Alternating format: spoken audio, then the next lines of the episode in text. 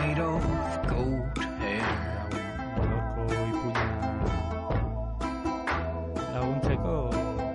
The whole moon. Turns blood red. And stars fall.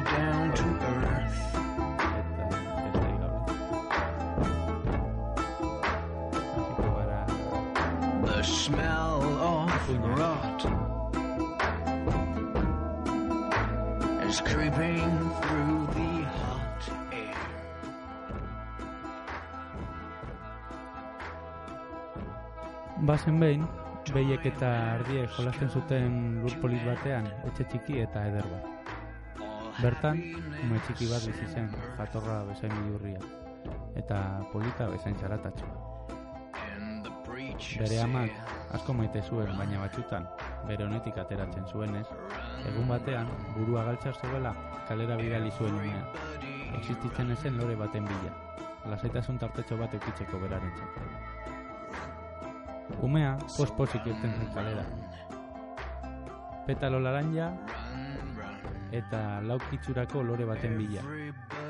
Oso garrantzitsua baitzen amatxok egin nahi zuen pastel gozo batentzako.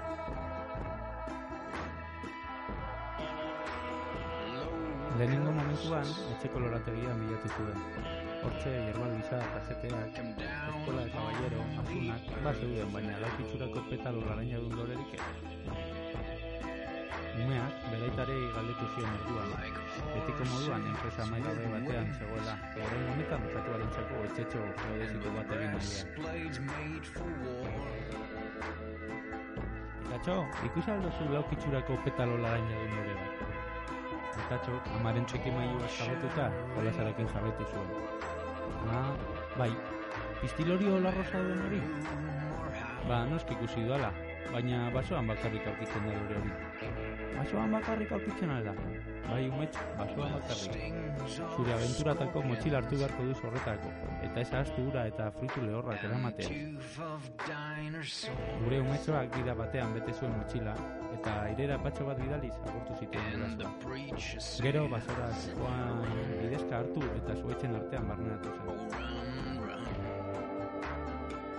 la la la la Abesten zikoan gure umea Europa askoetan zuela Laukitxurako petalo laranja dun lore baten bila Batean, zeozer buruan eman zion Ai, oiukatu zuen gure umea Lurrera begi- begiratu zuenean, bola berde bat ikusi zuen Zuzan altxara, kosko hau egin didan. Hau esan bezain pronto, beste zeo zer jozion buruan. Ai, ai, ze mina, Josefina. Irri bat entzun zuen orduan zuetz baten adarretatik etorria. Eh, zein da belo hortikan? Barregarria iruditzen alzaizun eri koskoak egitea da. Katagorri baten muturra ikusi zuen orduan, eta gero gortu, eta guztan ederra. Barkatu metz, baina hortxe ikusi zaitut eta ezin izan dut punteria egiteko tentasunena pasatzen utzi. Ez arete asko hona urrutzen zareten giza semea. Kolak bat romatxo bat. Bueno, ongi da, ez nahi zurekin azerbatutako, azerratuko ordua. Esan zuen gure umeak kostotara esku aramanez. Horrek esan nahi du nire lagun izan dezarela? Berriz kaleta gorria. Zuk esaten duzu guztiak, baina ez dira, zergatik ez, zein duzu izena. Katxalin katagorria da. Zure zerbitzu. Ah, ondo. Eta zei da zu katxalin, ikusi alduzu laukitxurako petalo laranja dun lorerik hemendik? Laukitxurako petalo laranja dun lore bat? Hmm, utzi pentsatzen... Ba, ez. Landare asko ikusi ditut nire bizitzan, baina horrelakorik ez, sentitzen dut. Bueno, ez aite larritu, bilatzen jarraituko dut eta kin. Oso ondo, baina lehenengo egingo aldia zumese handi bat. Bai, noski, laguna gara eta... Ba, begira. Zure burua kolpatu duen hori intxaur bat zen. Eta intxaurrak biltzen nabil, gero neguan, etxetik janari bila atera beharrez izateko. Guin estoperri gabe, kriston hotza egiten bait. Oso ondo, Katalin, ba, jarriko gara intxaurrak biltzen orduan. Eta horrela egin zuten. Denbora gutxian saku bete intxago zeukaten euren eskuartean. Bueno, honekin aski eta zeberan dakagu biontzako, esan zuen Katalin Posarren. Sakuaren erdira zuretxera eraman, eta oso posi jarriko dira angua. Aiba, gurasoak, amatxoren laukitxurako petalo laranja dun lorea topatu behar du. Korrika batean noa, Katalin, agur eta eskerrik asko, ikusi arte. Eta bere bidearekin jarraitu zuen gure umeak, lara, lara, lai, lara, lara, lai. Lupa eskuetan, laukitxurako petalo laranja dun lore baten bila. Saku beten txau, eh, batekin. Bapatean, oiu bat entzun sastrakaren bestaldean. Ai, ai, ai, arantxatunante petulante alanjoa. Ara eta non, ipotx bat zukan bere aurrean gure umek. Pixar zuri luzea, galtxa gorriak, tripa dotore, txapela buruan, masail gorri eta zudu are gorriagoa. Existitzen ziren ordua, ipotxak existitzen ziren. Kaixo jauna, oiukatu zuen gure umetxoa. Zein da bilortikan, susto hartu zuen ipotxa. Lasai, lasai, ni naiz, hemen dikan nenbile, eta oiukatu duzunean ikusi egin zaitut, iputz, potz jauna. Potza, gorri gorri jarri zen. Aurpegian kertu zitzaion, eta azkenean, oio egin zuen. Ez naiz ipotz bat! Basua naiz, bale, baina ez naiz ipotz bat. Metro eta berrogoi zentrimetrotako luzera dakat, mesedez. Ia, ia, metro tardi. Entzun, metro tardi. Ah, bale, bale, barkatu nazazu, baina piura horrekin zen naizen duen pentsatzea. Piura horrekin, piura horrekin. Baina ze umeto nante zara zu. Ba, umetxo bat, zure zerbitzura. Eta zu, zein zara zu. Ipotxa, azaitu egin zen ordua. Eta momentu baten ostean, umearen belarrira urbildu zen, eta bertan zeo, zeo zer zurrumurratu zuen. Txikito, hori alda zure izena, oiukatu zuen gure umeak barreari ezin utziz. Ez oiukatu, mesedez. Izena edatzeko tramitetan nabil, baina zena edezu egitea, badakiz zelan funtzionatzen duen burokraziak, ez da? Bai, bai, txikito, lasa, egon, momentuko osea izan da. Bueno, eta ze egiten duzu basotikan, umetxo, galdetu zuen orduan txikito elkarrizketaren norabidea desbideratu nahian. Ah, bai, ba, laukitxurako petalo laranja duen lore baten bila nabil.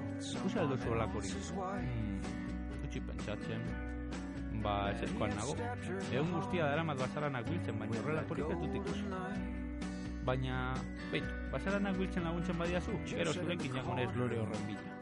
Vale, era bat ado, txikito, lanera ba, ez dago galtzeko astirik. Eta arantzen artean basaranak biltzen jarri ziren.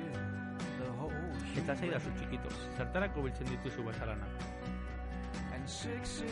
Oize galdera, umetxe, patxaran egiteko, zertarako beliko ditu ba. Eta zer da patxarana, txikito, berri zumea. Edabe magikoa, umetxo. Nahi baduzu, sekretua esango dizu. Beitu. Edabe magikoa nola egiten den esango dizu. Basaranak botia batean sartu.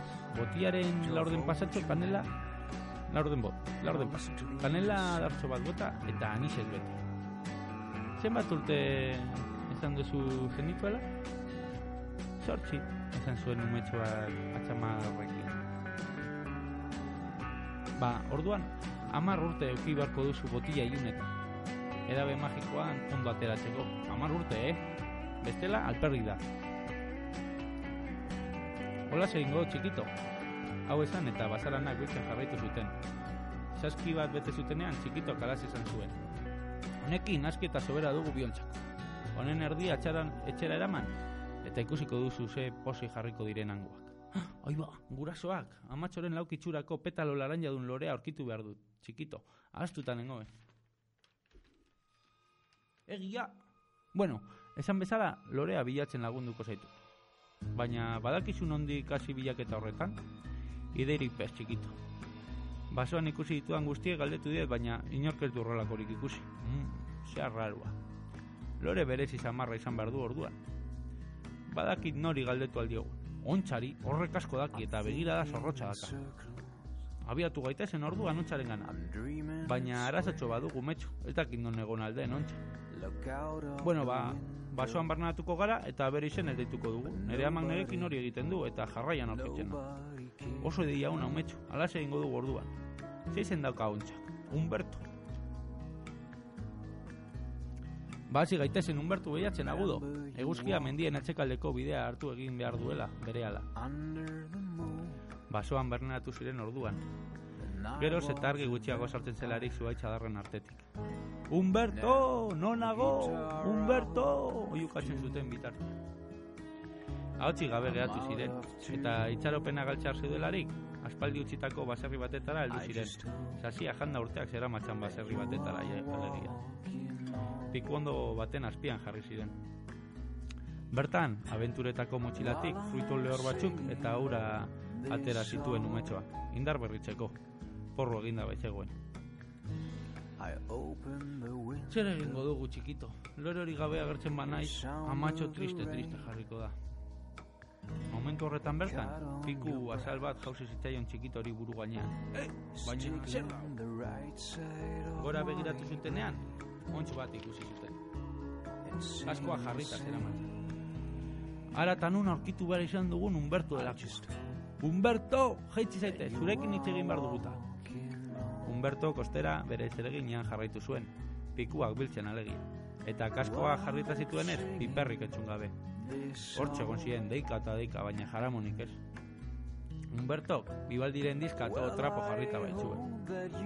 Azkenean piku ondora igotzea erabaki zuten, eta bata bestearen gainean jarrita lortu zuten piku ondoren adar bat bateri heltzea eta igotzea. Humberto! Oiukatu zuen orduan umetxoa kaskoak kentzen zizkion bitartean. Ontxak bere bizitzako sustua hartu zuen. Ia bihotz atera zitzaion. Ikustekoa izan zen jarri zuen aurpegia. Ai, ai, baina, zu uste duzu horrelako sustuak ematen ibilia zarela. Batek urte batzu dituela ja da, eta bihotzeko bate jota bere eguna bukatzea, ez nuke nahi. Barkatu, Humberto, baina hil edo biziko galdera bat egin behar dizugu. Ai, galdera, galdera, beti galdera, beti etorri behar da norbait neri galderak egitera. Basoko galdera guztientzak, guztientzako erantzunak piko banu bezala. Kokotera nioa. Horrezegatik jarri nituen kaskoa, jendearen galderak ez by. Orduan, ez gaituzu lagunduko? Begira, ja hemen zaudetela eta nire izkuka lekua topatu dizuela trato batek. Zuek niri pikuak batzen lagundu eta nik zuei, zuen arazoarekin laguntzen the Txikito eta umetxoak elkarri begiratu zioten eta burua goitik bera mugitu zuten tratoa onartu. Ale ba, lanera, esan zuen Humberto. Hortxe jarri ziren, ari eta ari, pikuak batzen. Umetxoak beti bezala jakin nahiaz galdetu zuen. Humberto, zergatik batzen dituzu pikuak? Ai, umetxo, emaztearekin eztabai bizia eukidut eta pikutara bidali nau. Eta mentzen agorai, pikuak batzen, jasotako pikuekin, mermela da gozo bat egin nahi diot, ea horrela zerrea pasatzen zaion. Oso ideia ona, Humberto, sorte hon. Gau betea zelarik, botarra handi bat zeukaten pikur beteta. Honekin ingurontzako nahikoa eta soberan du. Parte bat, zure etxera eraman, dezakezu. Ikusiko duzu ze pozik jarriko diren nengua. and it's a bloody bill. Oiba, gurasoak! Amatxoren laukitzurako petalo laraina du lorea, aurkitu behar du. Zer? Galdetu zuen Humberto, aurpegi desitxutatuta. Hori aldan nire galdetzeko zen dutena. Bai, esan zuten umetxoak eta txikito kaldi berean. Badakizu non aurkitu aldugun, mesedez, mesedez, mesedez, Humberto. Ba, sentitzen dut lagutxoak, baina horrelakorik sekula santan ez dut ikusi. Seguru zaudet horrelakoa dela bilatzen duzuen lore hori. Ez zaudeten aztuta. Ez ez, Humberto. Amatxok argi eta garbi esan zuen. Umetxo, joan zaitez laukitzurako petalo laraina du lore baten bila, eta ez zaitez itxuli hori topatzen duzun arte. Pastel bat egiteko ezinbestekoa da. Ba, laguntxoak hone soluzioa txarra daka. Irura geratu ziren kopeti zer egin ez ekitela. Bapatean zarate karagarri bat entzun zen basoaren barnean. Zuaitz bat zen lurrerako bidea. Eta zuaitzaren atzean gizon iletsu eta erraldoi bat. Jopeta, basa jauna, ze sortea geurea. Honek ez badaki inork ez, ez du eukiko zure landare horren berri, Humberto, esan zuen. Txikito, bitartean zerraldo hori zen lurrera, ikusten zuena ezin sinetziz. Iepa, basa jaun, ez bota zuaitzek hemen gaudela eta... Zein da bilorti galdetu zuen basa jaunak? Oiba, umetxo bat, espaldien nuela bat ikusten. Zer egiten duzu ezue gaueko ordu txikietan hemen?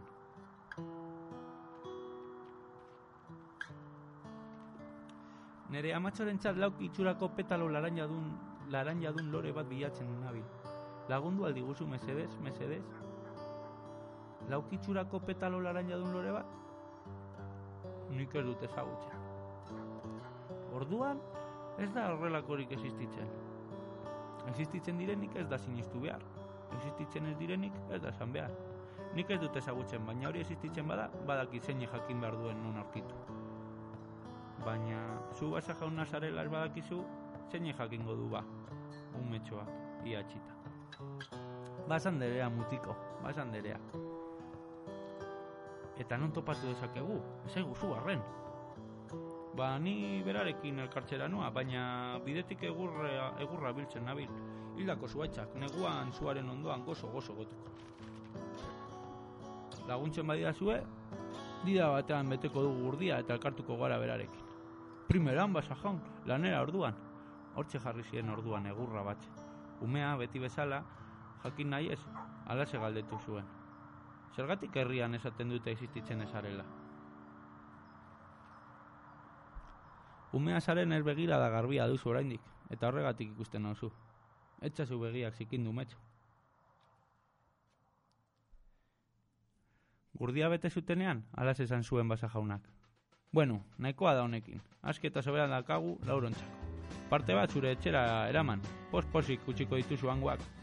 Ai ba, berriz ere astuta, laukitxurako petalo laraina dun lorea. Basa jaun arren, eramai, eramai guzu basandararen gana. Alas egingo dugu, me, lasai.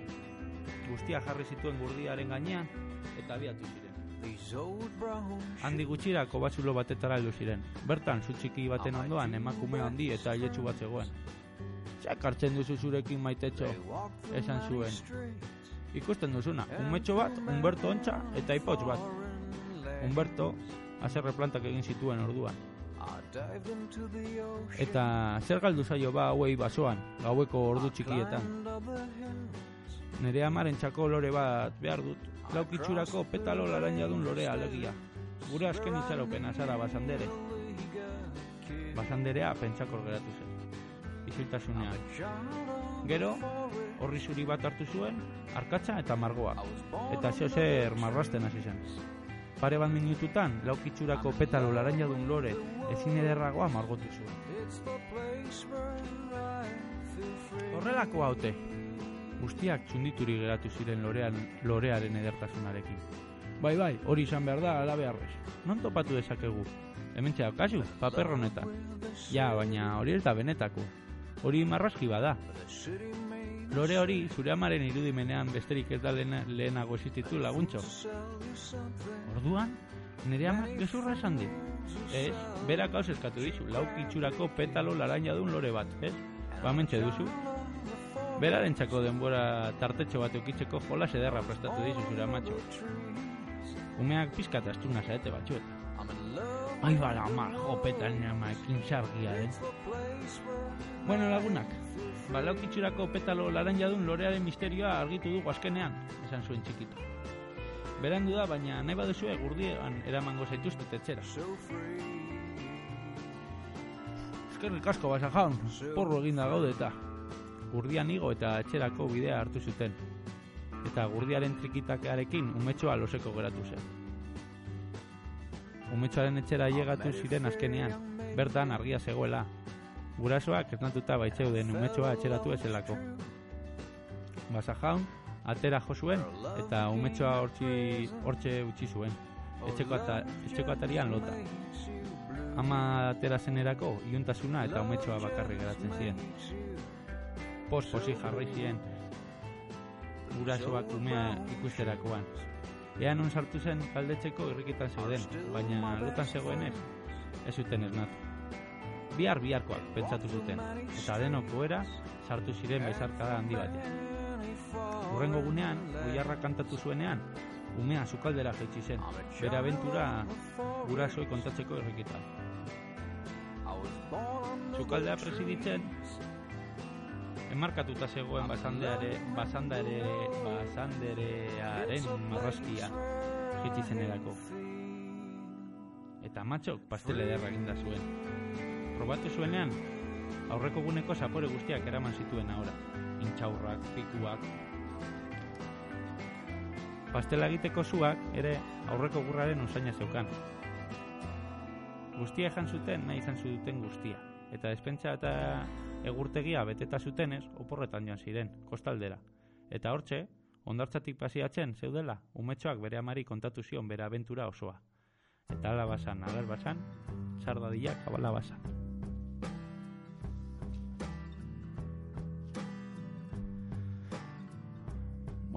Bueno, ba, onarte. Azte honetako saioa. Agur.